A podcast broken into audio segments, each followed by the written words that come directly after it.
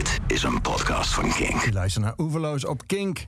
Seizoen 3, aflevering 35. En Oeverloos wordt je aangeboden door de muziekgieterij, het grenzeloze muziekpodium. En mijn gast vandaag in Oeverloos is Charlotte Wessels. Charlotte, goedemiddag, welkom. Goedemiddag, Fijn dat, dankjewel. je, fijn dat je er bent. Fijn dat ik er mag zijn. Ehm, we gaan het uitgebreid hebben over jou, over muziek, over jouw muziek en over jouw eigen favoriete muziek. Wanneer ben je begonnen met zingen voor jouw gevoel? Ehm, ik denk, het, eh, ik, zing, ik zing eigenlijk altijd al. Ik, eh, op mijn dertiende of zo heb ik aan mijn ouders gevraagd... mag ik alsjeblieft mijn klarinetlessen inleveren en inruilen voor zangles. Dus dat is wel toen ik wist van nou, ik wil, wel, ik wil dit echt graag. Muziek is leuk, maar zingen is wel wat ik het leukst vind. Ja. Wat was er zo al mis met de klarinet? Er is helemaal niks mis met de klarinet, maar het is gewoon een beetje... Nou ja, weet je, ja, wat er mis mee is... het is gewoon heel moeilijk om te zingen en klarinet spelen op hetzelfde moment. en eh, ik heb het geprobeerd, daar niet van. Maar dat was heel moeilijk. En eh, ja, ja, op dat moment vond ik de klarinet ook nog gewoon een beetje beperkt... in, in wat voor stijlen ik er wat mee kon. Ja. Was het een moedje, de klarinet? Nee, helemaal niet. Maar Hm. het was wel zo van, we gaan zeg maar achteraf. Mijn broer speelde piano, mijn zusje speelde gitaar. Denk ik wel echt van, als ik nou de piano of de gitaar had gespeeld, had ik mezelf nu heel makkelijk kunnen begeleiden. Maar daar ben ik nog steeds mee bezig om dat een beetje beter onder de knie te krijgen. Ja. Speelde Ja. ook wel samen met z'n drieën? Ah, weinig. Het mijn zusje en ik hebben wel veel samen Het Wessels gezongen. cocktail trio. Met... Ja, ja, ja, ja. Had gekund. Had ge- Moeten we misschien gewoon alsnog eh, doen. Want zijn ze ook muziek blijven maken, altijd daarna? Eh, nou, ze hebben er niet hun beroep van gemaakt. Maar ze zijn wel allebei onwijs muzikaal. Net als mijn ouders. Ja. ja. En toen, wilde toen wist je dus, ik wil niet klarinet, ik wil zingen. En Ja. kreeg, je, kreeg je toen zangles? Toen kreeg ik zangles. Ja, klopt. Klopt. Toen kon ik eerst kiezen tussen eh, ge- gewone zangles of klassiek zangles. Toen ben ik met gewoon begonnen. En gewoon heette daar jazz. Maar dat was eigenlijk gewoon alles wat niet klassiek was. En toen eh, zong, ik, zong ik het liefst Kate Bush en alles wat heel hoog en ijl was. Mhm. En toen hebben ze mij na een jaartje of zo doorgestuurd naar de afdeling klassiek. Van misschien moet je maar aria's gaan zingen. Want die zijn allemaal heel erg hoog en je bent sopraan. En dat heb ik met heel veel plezier gedaan. Ehm, en dat was zeg maar in de hoogtijden van de gothic band... die dan zo'n brullende man en zo'n heel ijl zingende vrouw hadden. Dat was toen echt hip. Dat was heel, heel even heel hip. En toen, eh, toen trad ik eigenlijk één keer op na mijn klassieke lessen. En toen had ik direct uit drie metalbands eh appjes of eh, sms'jes destijds nog. Eh, van, hey, wil je bij ons bandje zingen? Toen was ik helemaal gelukkig, want ik hield van metal. En, eh, ja, dus, dus zo is het balletje toen een beetje gaan rollen. Dat Ja. kwam eigenlijk door de klassieke les. Ja. Ja. En dat je zo de hoogte in wilde, was dat omdat je eh, dat het, mo het mooist vond? Of wilde je ook laten horen wat je kon? Nee, daar, daar heeft het niet zoveel mee te maken gehad. Het was eigenlijk vooral dat, ja, ik vond, ik vond Kate Bush vond ik, vond ik fantastisch. En ook Joni Mitchell. En ik zat heel erg in die hoek. En ja, dat was gewoon allemaal, dat was gewoon allemaal hoog. Ja. En toen kwam eh, op een gegeven moment ook Within Temptation natuurlijk. Dat vond ik ook heel mooi. En dat was ook hoog. Alle, alle muziek die ik mooi vond, die vroeg daar een beetje om. En, eh, ja, en ik kon het. Dus eh, toen ben ik dat maar gaan doen. Het was alleen wel jammer, want mijn docenten destijds... Die, die zei, weet je wat jij zou moeten doen? Jij zou in een koor moeten gaan zingen... want zo'n zo'n sopraan hebben ze altijd nodig. En ehm, die vond eigenlijk alles wat niet klassiek was... niet cool. Ehm, dus daar ben ik, op een gegeven moment ben ik daar wel mee gestopt... wat eigenlijk jammer is. Uh, want ik had best nog wel, ik had best nog wel meer kunnen leren of zo. Maar ze was niet zo van de crossovers. Ik vond de crossovers altijd wel interessant, maar zij was niet zo van de crossovers. Nee. nee. Geldt in zijn algemeenheid hoe hoger, hoe moeilijker? Nee, helemaal niet. Nou, nou ligt eraan. Uh, ja, misschien een beetje technisch, maar in falsetto is hoog best wel makkelijk. Uh, maar bijvoorbeeld in, uh, in borststem is de term die denk ik de meeste mensen herkennen, of dat belten, Mhm. mm-hmm. heb ik het hoge heel vaak heel lang heel moeilijk gevonden. Ik was heel comfortabel in het ijle hoge zachte, maar zodra het groot werd, zodra je ruimte ging innemen, zeg maar, dan vond ik het al snel spannend. En dat ziet dat dit echt heel erg tussen de oren, meer dan in, meer dan in het lijf. En ik heb wel het idee dat een heleboel zangles zich ook in de eerste jaar of twee jaren gewoon puur richt op, uh, eh, je, je mag te horen zijn en je mag plaats innemen. Met allemaal van zulke onzekere muisjes die dan moeten leren dat die, dat die stem mag projecteren. En dat de mensen die achter in de zaal nog moeten horen. Zo, dat heeft bij mij ook wel even geduurd. Die falsetto, dat hoge, dat ile, daar was ik wel comfortabel mee. Maar dat harde, dat was eh, moeilijk. Ja, ja. Ja. En toen je na dat eerste optreden drie sms'jes had, eh, kon je makkelijk kiezen tussen die drie bands? Of ben je in alle drie Ik de heb bands niet zingen? gekozen, ik ben in alle drie gaan zingen. Serieus? Ja, ja dat was, eh dat was To Elysium was dat toen. Dat was een band uit Zwolle. En To Elysium, daar was, eh, er was een, eh, die zangeres was weggegaan. En een paar mensen uit die band... die gingen dan ook weer een, ehm, eh, een, een, een rock-opera maken. Dat heette Infernorama. Fantastisch. Helemaal, helemaal Ik zie, gek. ik zie de poster al voor me. Ja, ja, ja. Paarse vlammen. Ja, precies. het is precies zoals je het verwacht. En, eh, en eigenlijk via Infernorama, daar heeft eh, Martijn van die Leen... heeft daar ook een, bij één nummer op gespeeld. En via dat ben ik dan bij hem terechtgekomen... En uh, ja, en tegelijkertijd had ik ook bandjes op school. En ik zat ook nog in de big band in, in het symfonieorkest. Dus dat was echt alles, alles deed ik. was leuk. Ja. Ja. Maar als je bij een band komt die al meteen zo'n zo'n groot project in gang heeft... lijkt me best wel tof, maar ook wel... eh, Je hebt dan nog niet zoveel ervaring of zelfs geen in bandje. Dan rol je in iets wat al een soort van in de, in de stijger staat. Ja, n- maar even denken. Op zich, op dat moment... De, want eerst, eerst was het dan bij Toulouse... maar daar was het echt een zangeres die wegging... en die kwam ik dan vervangen. Nou, dat is eigenlijk gewoon niet goed gelukt. We hebben twee optredens gedaan... en eigenlijk was die band al een beetje... Dus op een gegeven moment iemand ook naar Amerika vertrokken... op vakantie, nooit meer teruggekomen. Weet je wel, dat, dat werd hem niet meer. Ehm, en met Lane was het zo dat... en Martijn was toen nog heel erg aan het beginnen, weet je. Er was nog geen label, dus het was nog allemaal in de opbouwende fase. En dat is ook heel langzaam gegroeid. Want in eerste instantie werd ik gevraagd... ehm, ik heb wat eh, demo's en kun jij daar teksten voor schrijven... zanglijnen voor schrijven en, en dat inzingen... eigenlijk als placeholder voor de zangeres die het uiteindelijk echt gaat doen. Want het, zijn idee was toen nog om gewoon allerlei beroemde mensen erbij te vragen... en die te laten zingen. En dat ik eigenlijk alleen in, ja, op, de, op de achtergrond die functie zou hebben. Maar die samenwerking die ging gewoon heel goed. Ja. Dus daar kwam eigenlijk telkens kwam daar een beetje bij. Dus op die manier heb ik daar wel uh, een beetje aan dat idee kunnen wennen. Ja. Ja, dus, ja. We gaan muziek draaien, de muziek van Nee. jouzelf. We gaan luisteren naar uh, het nummer Afkikken uh, van je album van Tales from Six Feet Under. Ik kan me herinneren dat je dat nummer speelde toen we elkaar vorig jaar spraken bij de opname van Current Talks in de muziekgieterij in Maastricht. En toen waren heel veel van jouw fans waren heel erg opgewonden omdat het in het Nederlands was. Ja, ja klopt. Sowieso dat was eigenlijk de eerste vanwege keer. het nummer, maar ook vanwege de keuze voor het Nederlands. Inmiddels zijn we natuurlijk een tijd verder en hebben ze allemaal aan, aan kunnen wennen. hebben ze dat ook gedaan? Ja, ik denk het wel. Ja, veel mensen vragen nog van ja, wat betekent het nou eigenlijk? En die hebben er interpretaties bij. En de tekst is al een beetje raar. En vaak worden de interpretaties dan nog raarder dan hoe ik het eigenlijk bedoeld had. Dus, maar dat is eigenlijk wel lachen. Ik vind het wel leuk als dat soort dingen in eigen leven gaan leiden. Ja. Um, ja, ik geloof dat de fans, vooral omdat ik heb het nu twee keer gedaan over de afgelopen bijna twee jaar Mhm. uh, van Patreon. Dus ik heb het idee dat zij het allemaal een leuk uitstapje vinden. Als ik alleen nog maar Nederlands zou doen, zouden ze misschien op een gegeven moment wel zoiets hebben van ja, als we telkens het, het- dan, dan spreekt het denk ik toch minder aan.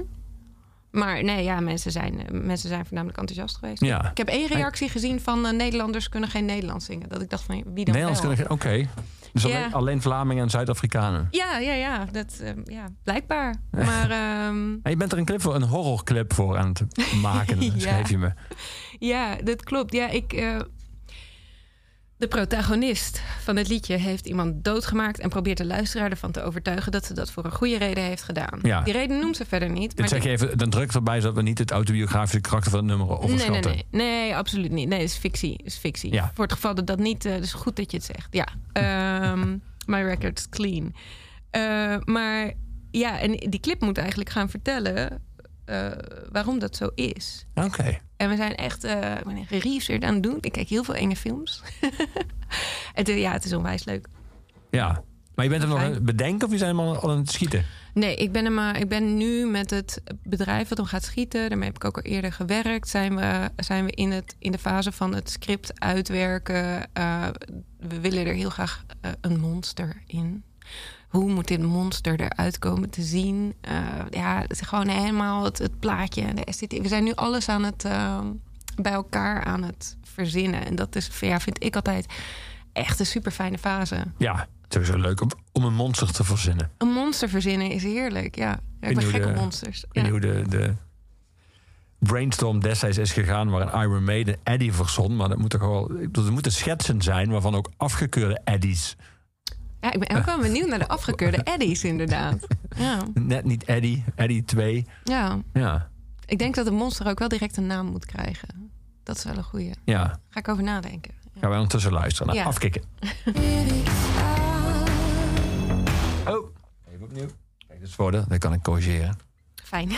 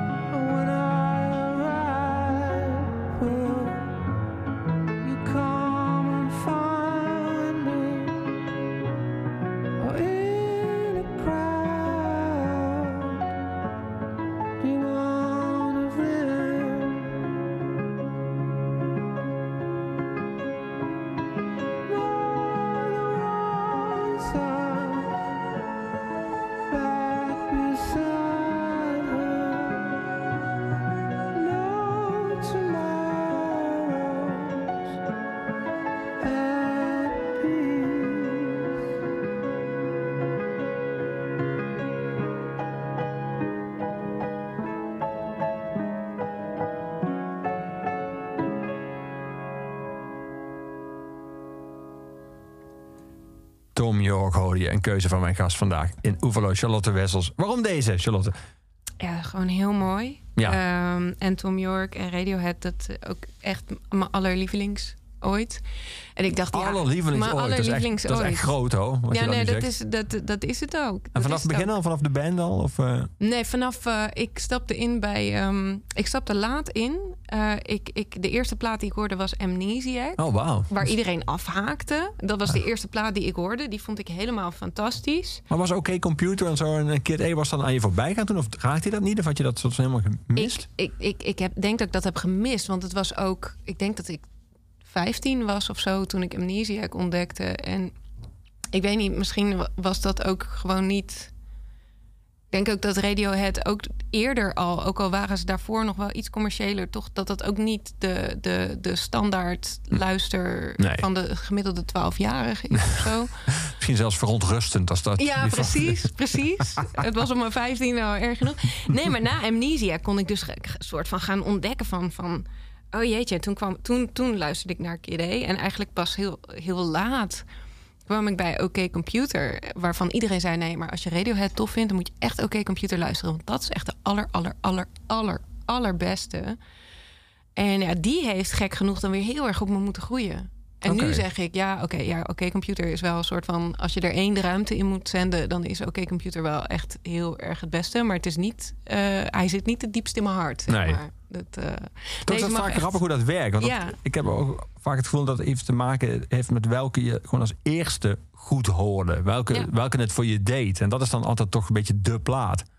Ja, nou ja, dat, dat is het ook. En eh, ja, ik vind het dan weer heel leuk, want nu... eh, nu komt er dus weer een plaat uit van allemaal materiaal... wat tussen Kid A en Amnesiac zat. Oké. Ehm, die moet nog uitkomen. Er is nu één single van uitgekomen. Dat is helemaal fantastisch. Maar het gaat voor mij echt van... Oh yes, er komt gewoon nog een plaat uit... uit mijn lievelingstijd van hun. Wat me ook wel doet denken van... wat moet dat een onwijs geïnspireerde tijd zijn geweest? Want Ja. Amnesiac was ook al een beetje een soort van... wat we nog over hadden na Kid A. En ehm, nou ja, ik ben, ik ben gewoon heel excited. Ja. En ik dacht, nou ja, weet je, Radiohead is ook wel... Ik, ik, ik moest een paar hele belangrijke liedjes verzinnen, eh om meenemen. En ik dacht, nou ja, Radiohead is wel zo... Nou ja, misschien, misschien zit ik dan in een bubbeltje, maar ik denk, ja, maar iedereen vindt Radiohead leuk en iedereen kent die nummers wel. Ja. Dus, dus misschien even een uitstapje of zo. En ik vind, eh, ja, ik vind dit, eh, wat, wat Tom York heeft gedaan voor, voor Suspiria, vind, vind ik echt prachtig. Ik vind die hele plaat prachtig. Je wordt er naar van als je naar de hele plaat luistert. Dit is dan nog het lichtere liedje, zeg maar. Ja. Maar, Want we hadden het net ehm, over horror en enge films en clips. Naar aanleiding van wat de clip uiteindelijk bij, eh, bij jou, bij Afkikken, Afkikken gaat ja. worden. Maar deze komt ook in een film die nageestig en donker was. Ja, heel naargeestig en donker. En heel veel manipulatie en, eh, en eh, hekserij en bloed. Het is echt een hele, hele nare film. Maar wel een hele mooie film. Suspiria was dat. En eh, nou ja, daar heeft hij, hij heeft film voor de hele muziek gemaakt. Ging je daar ook naartoe omdat Tom York de score had verzorgd? Ja, ja, dat was wel echt de reden om te gaan. Ehm, hij is ook heel aanwezig in de film. Dat is ook wel leuk. Wat ook wel fijn was, want de film was best wel heftig. En dan dacht ik, oh, ik word York. Dat is een soort van, dat trek je er dan even uit of zo. Ehm, dus ja, ja ik, vond het, ik vond een hele goede film. Je hebt wel vaak, ik weet niet wat het is met horrorfilms, maar om de een of andere reden gaat. eh, ik heb het idee dat horror vaak over redelijk diepe. De goede horror vaak over redelijk diepe trauma's gaan. Weet je wel, spookfilms gaan vaak over onverwerkte trauma's Ja. of zo. En, eh, De Haunted House films ook. Haunted House films ook. En eh, ja, degene die het goed doet, heb ik altijd wel het idee dat het heftiger bij je binnenkomt dan als het binnen een mainstream film zou passen. En Mhm. niet zozeer door het bloed of de gore, maar gewoon door het feit dat het ehm, eh, zo'n onbespreekbaar thema eigenlijk symbolisch maakt. Ja, En dat, dat daar ik wel van. ja. Het, het, het vervelende is wel van het genre dat...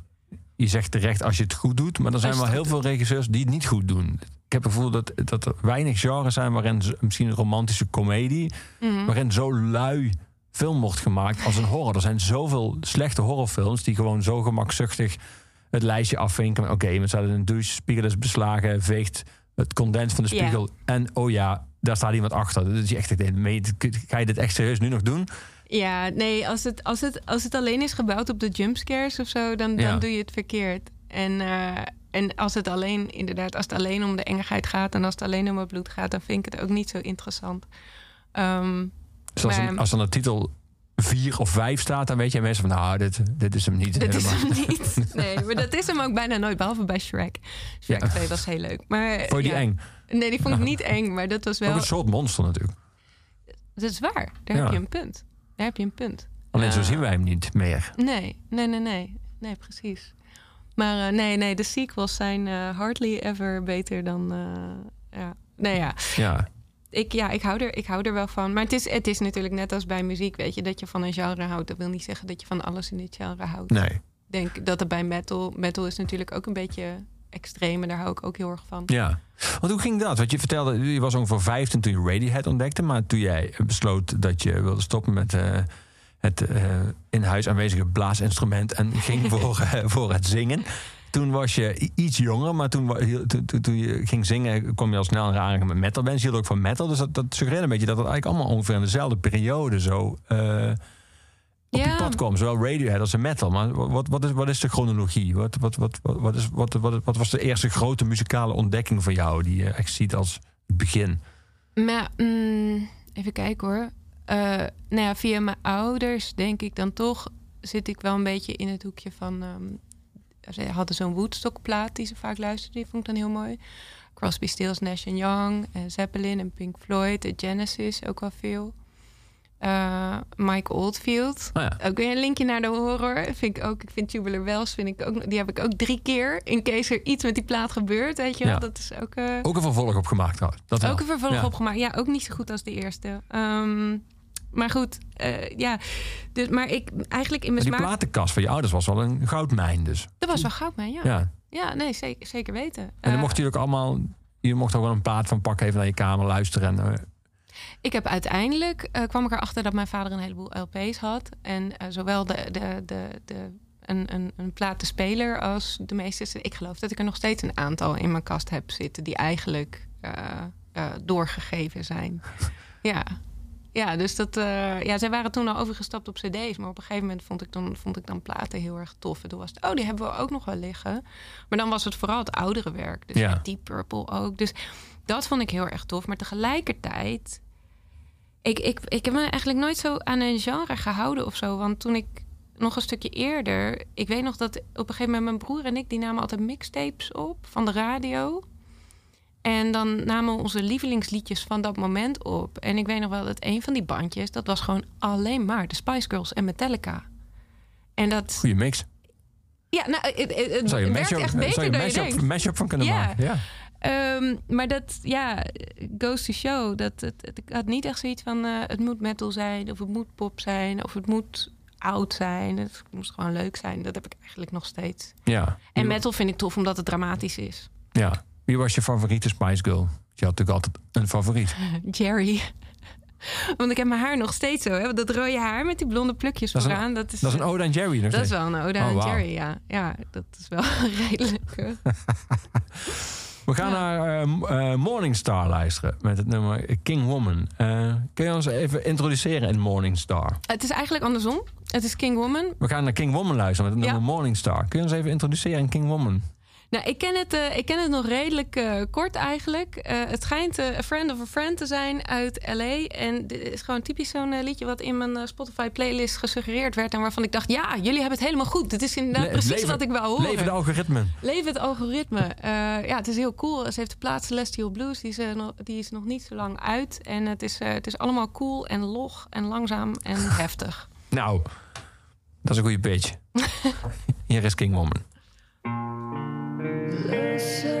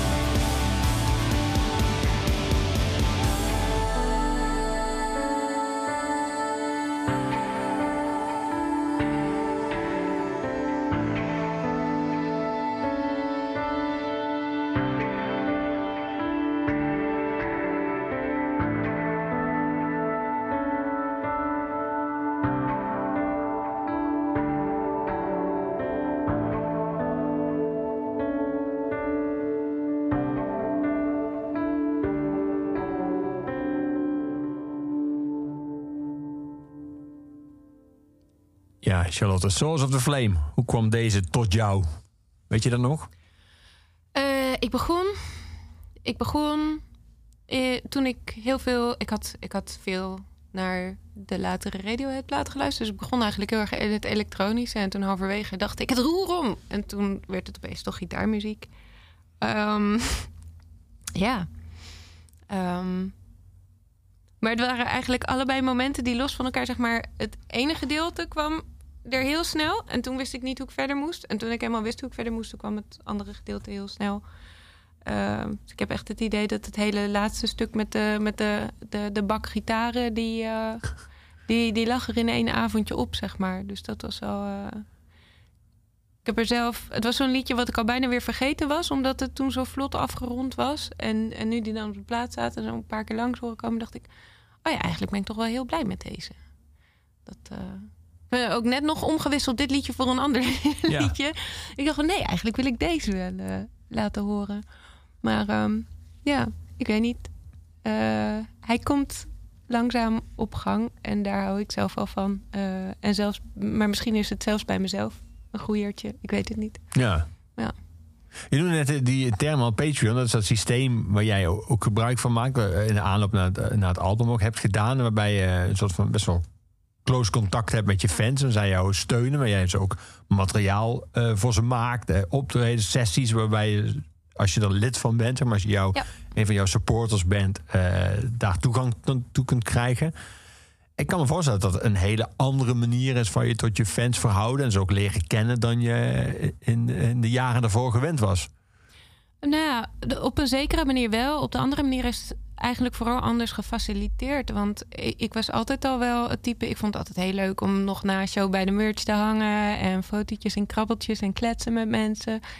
En ehm, dat Dit was allemaal eh, pre- pre-corona. Pre-corona, inderdaad. Ehm, en dat hebben we eigenlijk ook met de band altijd wel zo lang mogelijk volgehouden. Kijk, op een gegeven moment werd dat minder gebruikelijk. Want de, de, nou ja, dat is een luxe probleem, maar de zalen waren groot. En mensen werden er dan op een gegeven moment uitgeveegd. En dan, dan waren er uiteindelijk meer mensen niet blij dan dat je blij had kunnen maken. En dan werd dat weer een vraag van, ja, wat doe je daar dan weer mee? Ehm, maar ik heb me eigenlijk altijd wel redelijk direct tot, tot luisteraars verhouden. Ehm, ook al via social media. En ik volgde zelf een heleboel mensen op Patreon. En ik zag eigenlijk van ja, dit ziet er gewoon uit als een platform waar je dat soort van officieel maakt. Eh, en dat, nou, dat sprak me wel heel erg aan. Want ik vond het als consument vond ik het een heel leuk platform. En het, eh, ik dacht, ik denk dat ik dit als maker ook een leuk platform ga vinden. Ja. En dat is wel gebleken. Is dat ook, ja? Ja, ja ik, doe het, ik doe het nog steeds. En eh, het, ik, ja, ik heb gewoon een vorm gevonden om te werken. En mijn vorm is dat ik gewoon elke maand een liedje daar release. En ehm, dat, is best wel, dat is best wel heftig. Maar ik leer er ook wel heel veel van. Heftig als in, het is een onverbiddelijke deadline elke maand Ja. opnieuw. Ja. Ja, precies. En in het begin had ik soort van. Ik had in het begin had ik een stapel liedjes. Dat is eigenlijk de reden waarom ik was begonnen. Want ik had toen had ik ook delay nog. De reden waarom ik was begonnen was dat ik denk: van, ja, ik heb een stapel liedjes die passen niet bij mijn band. En ik vind zonde als er niks meer gebeurt. En ze zijn te uiteenliggend om er een band naast te doen of zo. Plus dan ga je weer een commitment aan aan andere mensen. Maar we zijn zo ambitieus met die leen. Dus ja, dan hou je weer mensen terug. En moeilijk. Dus ik dacht, ik moet gewoon iets dat ik het helemaal zelf kan doen. Dit wat je nu zegt speelt zich allemaal in je hoofd afdoen. Ja, dat speelde zich allemaal in mijn hoofd af. speelt zich veel in mijn hoofd af. Ja, maar dat terzijde. Ja, dus ik dacht, ik, ik wil dat gewoon, ik wil dat gewoon zelf kunnen publiceren op een manier die ik zelf tof vind. En, en ik, ja, ik wil daar ook niet per se voor met een label of zo. Dat moet allemaal gewoon spontaan. En eh, bij wijze van spreken, als ik vandaag een liedje schrijf en ik ben er blij mee, wil ik het vandaag ook gewoon direct eh, erop kon, kunnen zetten. Ja, en daarom was Patreon eigenlijk wel een goede optie voor Ja. me. Ehm, wat was dan het belangrijkste voordeel? Was dat een soort eh, mate van compromisloosheid? Of was het vooral ook de snelheid? Dat je, dat je echt ook iets vandaag kan schrijven... dat overmorgen al eh, erop Ja. kan zetten. Ja, het is eigenlijk een combinatie van dingen. Ik vond het, ik vond het heel fijn dat je echt je eigen regels kan maken, inderdaad. Eh, eh, dus alles is uncompromised, zeg maar. Ook binnen het platform en binnen de muziek die ik maakte. Omdat ik gewoon... Ik werk niet aan één plaat. Ik werk aan elke maand één liedje. Dus als de ene maand het een metal liedje is... en de andere, lied, een andere maand een popliedje... dan hoef ik niet te denken... oeh, is dit liedje wel poppy genoeg voor de plaat? Of is dit niet te metal voor de plaat? Weet je, elk liedje kan gewoon zonder compromis zichzelf zijn. Ja. En dat vind, dat vind ik heel leuk. En dacht je ook niet, is dit wel metal genoeg... of pop genoeg, of de pop of de metal... voor mijn Patreon? eh, Nou, Hoe zeg je dat eigenlijk? Vrienden? Contributeurs? patrons. Patrons? Oh, Patrons, ja. Ehm, nou ja, in het begin was dat niet zo'n issue. Want toen, ik heb het natuurlijk echt aangekondigd als jongens, ik heb die leen. Maar daarnaast heb ik gewoon liedjes die heel anders zijn. En daarvoor begin ik Patreon. Dus toen kwamen mensen echt. Beetje ja, jambers dit, hè? Zo, Sorry? Jambers moet ik een beetje denken. Zo, overdag speelt hij in de leen. Maar Ja. s'nachts. S'nachts maakt zij popdeuntjes. ja, nou ja, ja, dat. eh, ja, maar toen dacht ik al van ja, de mensen die nu komen, die, die weten, die, ja, Ja. die weten waar ze aan beginnen. Die, Ja. die, die gaan gewoon alleen, die Toltjes komen alleen. Ja, precies. Anders, anders dan eh, doen ze ook niet mee. Maar later, ehm, later heb ik daar wel druk van ervaren. Zeg maar op het moment dat eh die uit elkaar was gevallen en dat toen kwamen er natuurlijk wel een nieuwe stroom mensen kijken van... oh, oh, oké, nou, eens kijken wat Charlotte in er eentje doet dan. En die hele context van in het begin van... ik doe hier de liedjes die niet bij mijn band passen... die, die, was, toen, ja, die was toen soort van weg. Ja, Dus ik heb toen heel even het idee gehad... dat ik heel erg moest verantwoorden... waarom ik geen metalliedjes erop had staan. Uh, maar dat werd heel vermoeiend. Dus daar ben ik op een gegeven moment maar gewoon mee opgehouden. Um, maar dus in het begin snapte iedereen het wel. En er is op een gegeven moment is er een soort van um, golf geweest van mensen die zeiden van waar is de metal? Uh, en die zijn er eigenlijk nog steeds. Terwijl ik inmiddels ook drie, lied, drie metal liedjes erop heb staan. Dus ik denk ook, ja, weet je, you can't please everyone. Um, maar ja, het gaat gewoon alle kanten op. ja. Ja. Want dat gaat jouw smaak ook. Want dat gaat mijn smaak ook, ja. En ik heb op een gegeven moment wel weer iets... Want dit is natuurlijk een heel snel proces. Het is elke maand een liedje. En dat vind ik heel fijn. Zeg maar toen ik... Maar dat moet van jezelf, hè? Dat hoeft niet van de ander, toch? Nee. Of worden mensen dan, worden de patrons dan boos?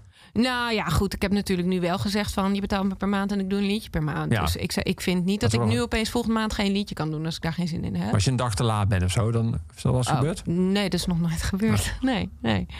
Ehm, nee. Ja, nee, het is, het, is, het is iets wat ik zelf verzin. Ik zou natuurlijk prima kunnen zeggen van... jongens, eh, deze maand even niet. Of eh, het is nog niet gebeurd. Het is afwachten hoe men erop zou reageren... als op een gegeven moment het format even niet meer werkt. Maar ik denk ook vooral, ja, ik heb dat ook zelf in de hand. Ik kan ook weer een stapel liedjes maken. Eh, Ja. want dat was het een beetje... Ik begon met een grote stapel liedjes... waarvan ik dacht, die wil ik hier allemaal kwijt... Uh, en bij wijze van spreken, als ik de komende maanden niks meer schrijf, dan, dan ben ik, ik ben gewoon voor de komende drie jaar zit ik, zit ik gebakken. Want ik heb zo'n stapel liedjes. Maar gedurende het werken, um, ik had nog nooit echt eerder geproduceerd. Dat, dat, dat lag altijd bij iemand anders. Dus gedurende het werken ging ik, nou ja, ik ging steeds meer doen. En eigenlijk, ik denk na een jaar of zo, uh, waren de liedjes die ik nog steeds hetzelfde zou doen op. Dus in het begin was het gewoon, ik hoef alleen maar een liedje af te maken. En inmiddels ben ik wel op het punt dat ik elk, elke maand een liedje schrijf en opneem. En dan de mix nog en de master nog. En, dan, en uh, ik wil ook altijd een mooi cover erbij. En uh, ja, dat wordt, dat, wordt wel, dat wordt wel veel. En het is dus zo dat je nooit uh, kan denken... oh, ik wil dit liedje nog even laten sudderen... en dan na een paar weken erop terugkomen en kijken hoe het voelt. En dat deden we natuurlijk met de band wel altijd. Mm -hmm. En toen had ik heel erg behoefte aan... oh, waarom duurt het altijd twee jaar voor een liedje uitkomt? Ik wil gewoon dat het er nu is. Um, en nu doe ik dat de hele tijd. En nu denk ik, ah, ik wil gewoon even op een liedje kunnen slapen. Dus, dus dit kwam vandaan van dat je zei van... ja, het gaat alle kanten op, want dat gaat er bij jou ook. Ik, ik heb inmiddels ook weer behoefte aan iets wat overwogen is... wat misschien bij elkaar past... Um, dus ik hoop, ja, ik hoop eigenlijk om naast het liedje per maand nu ook gewoon nog weer een plaat te gaan maken. Maar dat, uh, en misschien dat dat dan wel coherent is. Dat zou ik wel mooi vinden. Ook iets wat gewoon weer een verhaal vertelt. Ja. Wat jij net vertelde over Radiohead, wat jij zo opgewonden werd toen je hoorde dat er nog een plaat komt die uit die tijd die jij eigenlijk het tofst van ze vond, Ja, ja, ja. Amnesia en, en na Kid E. Um, toen vroeg ik me af toen jij dat vertelde, van, of je dat herkende. Dat je zoals periodes in je leven hebt waarop er echt superveel muziek ontstaat. Ken ik in het geval van Radiohead genoeg om nog een plaat mee te maken... en dan Ja. jaren later nog een plaat mee te maken eigenlijk. Maar zeker heb jij dat dus ook ervaren. Die tijd van de leen toen je zoveel ernaast zat. Heb je, een soort van, er komt er zoveel los dat je dat even ergens anders kwijt wil. Maar dat is bijna een soort eruptie van creativiteit dan. Gaat dat, dan, gaat, dat in, gaat dat in vlagen? Is het dan even ook gewoon voor een tijdje op? Of hoe werkt dat in jouw ervaring? Nou, eh, ik heb knock on wood. Het is, het is nooit op. Maar ik ben wel iemand, ik heb heel veel, ik, ik start heel veel en ik heb heel veel moeite met het afmaken. Dat is ook eigenlijk waarom ik het liedje per maand heb geïntroduceerd. Omdat ik, eh, ik zou het liefst elke dag drie, drie nieuwe liedjes beginnen. Maar ik vind, ja, ik vind afmaken heel moeilijk. Want ik heb dan op een gegeven moment heb ik het idee van dit liedje moet zo worden. En dan, zeg maar, als je begint is het altijd leuk. Want dan is er niks en dan is er opeens iets. Maar zodra er iets is, heb je een verwachting van wat het moet worden. En dan, dan wordt het moeilijker. Ehm, dus nee, er komt altijd eigenlijk wel, er komt altijd wel veel uit. En dat gaat ook inderdaad wel alle kanten op. Maar het, eh, ja, het afmaken, daar zit bij mij eigenlijk altijd een beetje de crux. Maar is het afmaken of het afverklaren? Zeg maar, is het eh, het proces van het nummer uiteindelijk soort van in de eindfase brengen? Of is het het moment dat je besluit, oké, dit is hem dus. Nu mag hij de wereld in, nu kan ik hem ook eigenlijk niet meer veranderen. Nu is hij een soort van voltooid. Nee, het is echt, er zit altijd een dood punt. Zo van, Hmm. van intro, intro couplet, ja, gaat prima. Intro couplet, refrein, ja, gaat prima. En dan, en dan kan het of zitten op de tekst dat ik denk van... Ja, eigenlijk was het gewoon maar zo'n kort verhaal. Eh, Alles wat ik er nu bij verzin is gewoon onnodig. Ja. Of, of, ik, ik, of ik zit muzikaal of instrumentaal, dat ik denk van ja, oké, nou ja, ik zit nu al de hele tijd in dezelfde toonsoort. Ik moet echt ergens anders naartoe en ik weet niet waar ik naartoe moet. En eh, ik, over het algemeen, als ik ga, dan ga ik. Maar als ik, eenmaal, als, ik eenmaal, als ik even niet meer weet waar ik naartoe moet, dan kan ik heel lang, heel lang, Heel lang. heel lang. Zo. Ja, dan kan ik heel lang ehm, ja, zweven. Zweven. Ja. zweven ja. We gaan luisteren naar een held voor jou naast Tom York. Eh, niet in een rol als frontman van Nine Inch Nails nu of eh, met zijn eigen filmmuziek, maar in de rol van producer. Eh, Ja. Trent Reznor heb ik het over. En hij produceerde dit nummer, Bells in Santa Fe van Halsey. Ehm, wie is zij? Ja, ze- ja, nou, een goede vraag. Geen idee. Het is een popzangeres. Ik eh, kende haar, ik had wel eens van haar gehoord. En op een gegeven moment zag ik, eh, ik zag de cover van deze plaat. Die is briljant sowieso. Ja, Het is echt een eh, klassieke Madonna op een troon. met haar borst ontbloot en haar baby op schoot. Ehm, de, en, en, en nou ja, my interest was peaked. En die plaat was geproduceerd door Tre- Trent Reznor. Toen, toen had ik al helemaal zoiets van... ik moet hem horen zodra die uit is. Het is heel... Het is, heel, het is echt Nine Inch Nails met de zangeres. Vind ik. goede aanbeveling. Ja.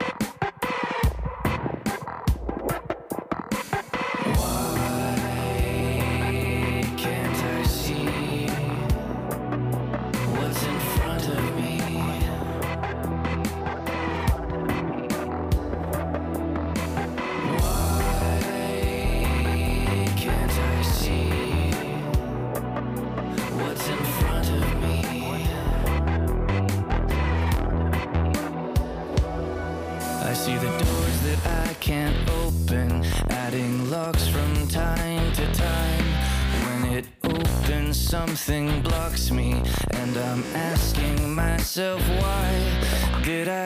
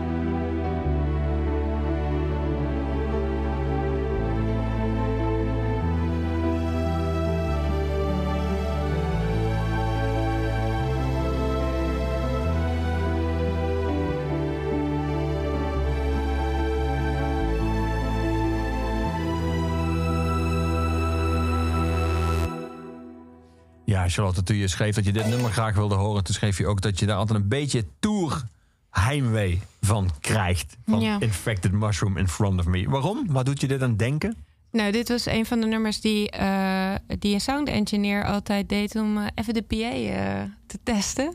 Is daar te goed kijken wat erin voor? zit. Ja? Ja, daar is goed geschikt voor. En ehm, dus het was, ja, het was een nummer wat je dan eigenlijk elke dag, je komt zo half als zombie, kom je die zaal binnen. En dan word je langzaam wakker en dan, eh, en dan kwam dit uit de speakers knallen. En dan, dan weet je, oké, het gaat nu, het gaat nu beginnen. Hè? Ja. we, gaan, we gaan nu opbouwen. En, dan, en ehm, ja, het is een van de nummers. Ik had hem al een tijd niet geluisterd eigenlijk. Maar ik dacht nu, oh, dit is wel, dat is wel weer een mooie. Ook omdat ik nu eigenlijk na een hele tijd merk dat ik het begin te missen. Want ik heb heel lang zoiets gehad van, ik zit weer lekker in mijn kelder.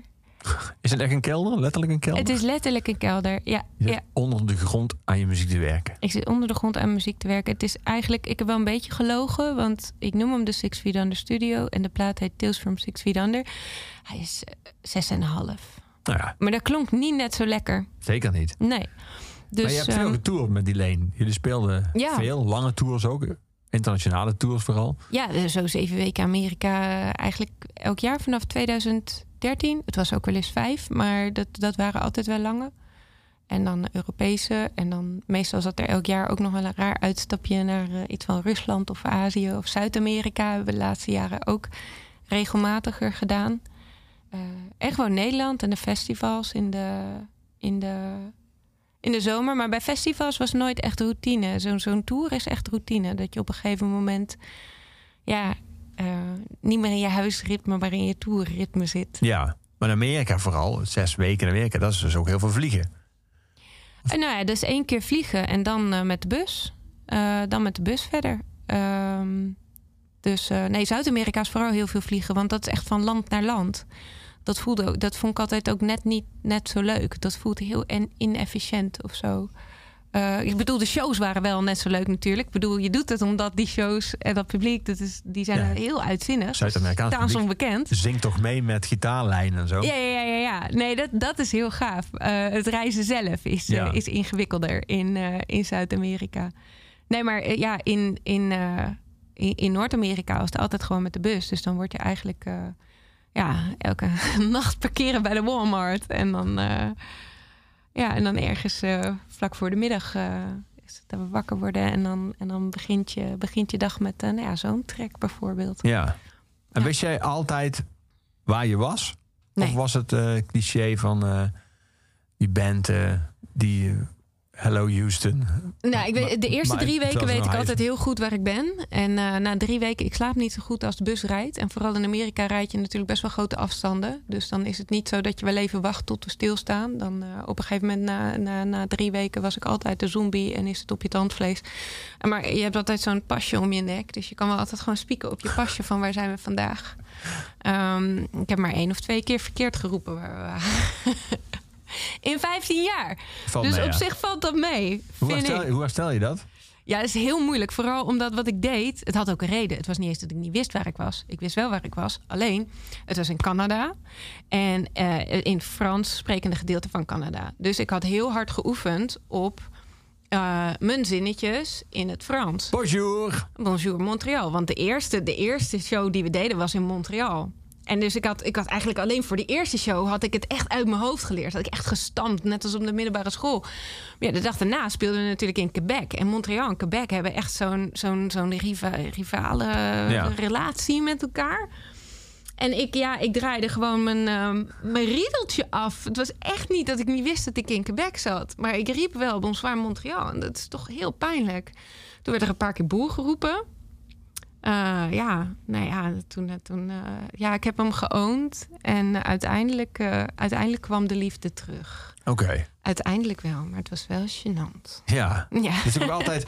Ik zag Nas een keer in Vredenburg een paar jaar geleden. En die, toen- die zei toen echt tot een paar keer toe... "Yeah, Give it up Amsterdam, hello Amsterdam. Oh, dat is zo frustrerend. Ja, Marilyn Manson ook in Utrecht, ook Amsterdam. En dan denk ik, nou, je had toch gewoon heel eventjes kunnen kijken waar je bent. Ja, maar goed, heel vaak komen ze natuurlijk aan op Schiphol. Hotel is in Amsterdam. Ze rijden een stukje, wat wij daar allemaal heel ver vinden. Helemaal naar Utrecht. Helemaal naar Maar het Utrecht, natuurlijk ja. gewoon naar een andere wijk in L.A. Ja, En dan, hebben ze, ja, dan ga je die zaal binnen. Natuurlijk geen idee dan. Dat je, ik vraag me wel eens af of sommige mensen het expres doen. Gewoon zo van, eh, uit een soort van... Ja, nee, ik weet niet. Vast niet. Nee, ik weet niet. Soms vraag ik me af van... ah, Het kan toch niet dat je echt niet weet dat je in Utrecht bent? En bij Nas werkte het toen eigenlijk wel goed. Want hij vroeg dan... eh, hij- de mensen begonnen te joelen. En hij zei het een paar keer. En ze begonnen steeds harder te joelen. En toen vroeg hij, wat was het probleem? Oh, is this not Amsterdam? No, where, where, where am I? Utrecht. What's the name? Utrecht. I stand corrected. En toen was het meteen ook inderdaad... Ja, dan dus- is het wel over. Ja. Ja. Nee, als je, het, als je het inderdaad, als je het maar oont, dan eh, komt het meestal wel goed. Ja. Ja. Ja. Nee. Vond je het leuk? Toeren. Zo vaak, zo lang. Eh, ja, ik vond, het, ik vond het leuk, maar ik vond het dus, eh, ik vond de lange tours vond ik wel zwaar, omdat ik gewoon echt heel slecht sliep op tour. Ja. Heeft dat effect op je stem ook? Ja, ja, ja. Ja, maar niets heeft zoveel effect als gewoon spanning. Uiteindelijk, eh, want wat ook weer zo is op toeren, vooral na drie weken, je spiergeheugen is heel, heel sterk. Dus ik heb tours gehad waar ik op een gegeven moment mijn stem kwijt was en ik kon amper praten, maar ik kon dan nog wel de liedjes zingen, wat heel raar voelt. Maar dat zit dan zo in je, in je motoriek dat dat dan nog net wel lukt. Ehm, Maar ja, het is gewoon niet. eh, je, ja, je bent gewoon niet fit. Ik had dan wel eens dat je dan inderdaad vijf dagen en dan sliep je een nacht in een hotel en dan was je niet aan het draaien en dan werd je de volgende dag wakker en dan dacht je, oh ja, ja, zo ziet het leven eruit. Zo, eh, ja, dat je echt even van de wereld bent geweest of zo. Als je zo lang zonder slaap functioneert. Ja. En wat deed je tegen de verveling? Het wachten. Ehm, ja, die, die, mm, die ervaar ik eigenlijk niet zo heel veel. Eh, want het is wel een beetje van. Het is, het, is een beetje net als bij kamperen. Hè? Als, je, als je dat doet, alles wat je doet, duurt lang. Als je wil ochtends douchen, nou, je moet eerst, dan moet je eerst zo'n zaal. Of je moet eerst al bij de zaal zijn. Dan moet je zo'n zaal in. Dan moet je kijken van nou, waar is die douche? Oh, die is bezet. Nou, dan moet ik me eerst maar even. Koffie moet je ook zoeken. Weet ook niet waar hier koffie is. Je moet ergens gaan ontbijten. Hebben ze niet. Nou, dan moet je ergens naar een supermarkt. Willen we ook nog sporten vandaag? Oké, nou op twee kilometer zit een eh, gym, dan moeten we daar maar naartoe. Eh, en, en als je dat allemaal, als je dat allemaal voor elkaar krijgt, eh, en ik bedoel, en dan hebben we het nog niet eens over tijden waarin je bijvoorbeeld ook tegelijkertijd de mixes van de nieuwe nummers moet checken, of dat er gewoon nog gewerkt moet worden, of, Of dat je nog of een radio-interview. radio-interviews of alle foto's van de VIP-sessies van de vorige dag online zetten. Ehm, ja, als je dat allemaal voor de soundcheck voor elkaar krijgt, dan, dan ben je lekker bezig.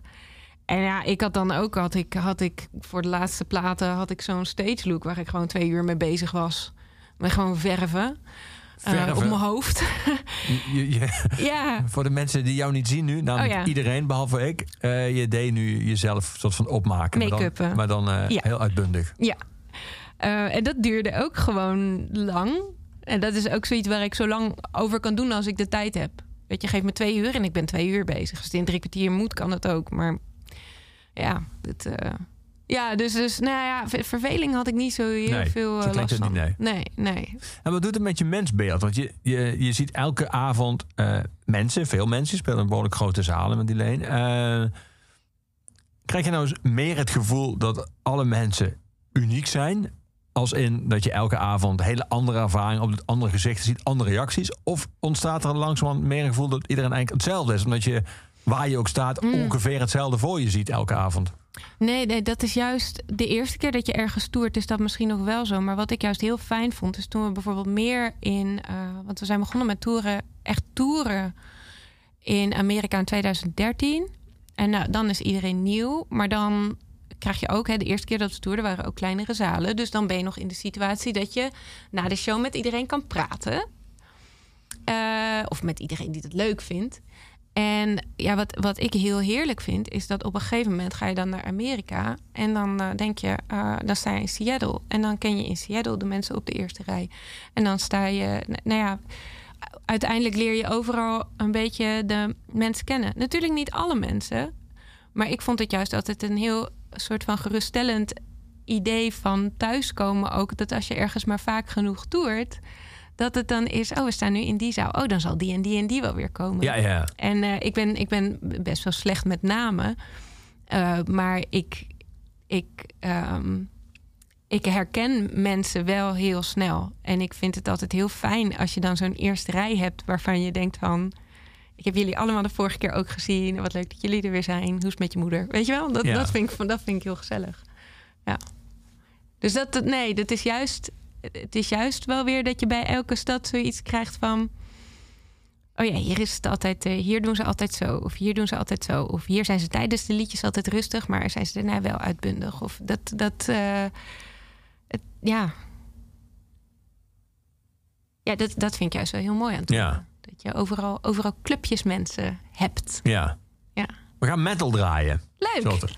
Eh, Deceiver, Deceiver heet het nummer. Ja, net uit. Net uit. Maar gaan we naar luisteren? Het is eh, van Arch Enemy. En eh, eh, ja, in het kader van Support Your Friends. Alissa en ik hebben vaak samengewerkt. En zij in haar eigen band, in Arch Enemy, krunt ze altijd. En met mij heeft ze clean op een liedje gezongen. En ja, zij zijn nu eergisteren ja. zijn, ze, zijn ze met deze plaat uitgekomen. En ja, ik, ik vind hem heerlijk. Ik dacht direct, die moet mee. En hier is hij dan. Daar is hij Deceiver, dan. Deceiver. Deceiver,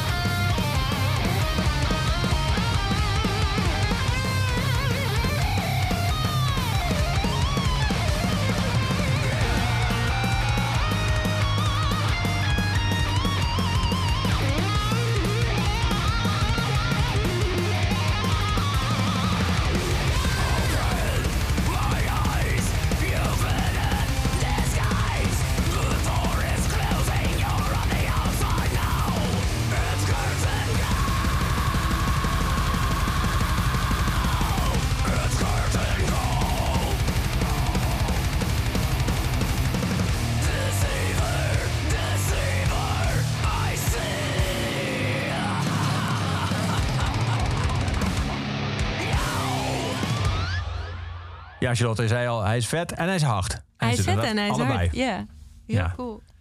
Het laatste nummer, eh, Charlotte, van iedere oeverloze is eh, van Gorky. Want het laatste woord is altijd onze postuumhuisdichter Luc de Vos. Daar gaan we dadelijk mee afsluiten. Maar eerst nog één nummer eh, van jou, Mhm. van jouw album. We gaan voor Luc de Vos jouw deel afsluiten met het nummer Soft Revolution. Wanneer komt deze in jouw hoofd op? Wanneer die in mijn hoofd opkomt. Mhm. Wanneer, kwam die, eh, wanneer komt dit nummer Oh. bij jou binnen zelf? Ehm, ik begon ermee op een moment dat eigenlijk om me heen... dat er een aantal mensen... Ja, weet je, iedereen heeft dingen. Dat is zo, het is zo suf, maar iedereen heeft dingen. Er waren een heleboel mensen die dingen met een hoofdletter hadden. En, eh, en dat je dan zo om je heen ziet dat iedereen zo moeilijk heeft... met het feit dat hij dingen heeft. En dan denk ik, ja, maar als je er dan was nog... in corona of was het nog voor corona? Nee, dit was voor corona. En toen dacht ik, ja, maar luister, als je jezelf op je kop gaat geven omdat je dingen hebt, dan heb je dus een probleem bij. En hij begon eigenlijk vanuit dat idee van, joh, niemand, niemand, niemand is oké en dat is oké. Dat zijn ook de openingszinnen. En toen met corona, toen dacht ik, eh, volgens mij zijn er nu heel veel mensen die hier, eh, die kunnen relaten. Ja, En dat is, dat is eigenlijk, eh, ja, dus ik heb hem later, later afgemaakt. Dit, dit was een van de nummers waarvan het begin dus op die stapel lag van nummers waarvan ik dacht, ik wil heel graag een reden om deze nummers af te maken.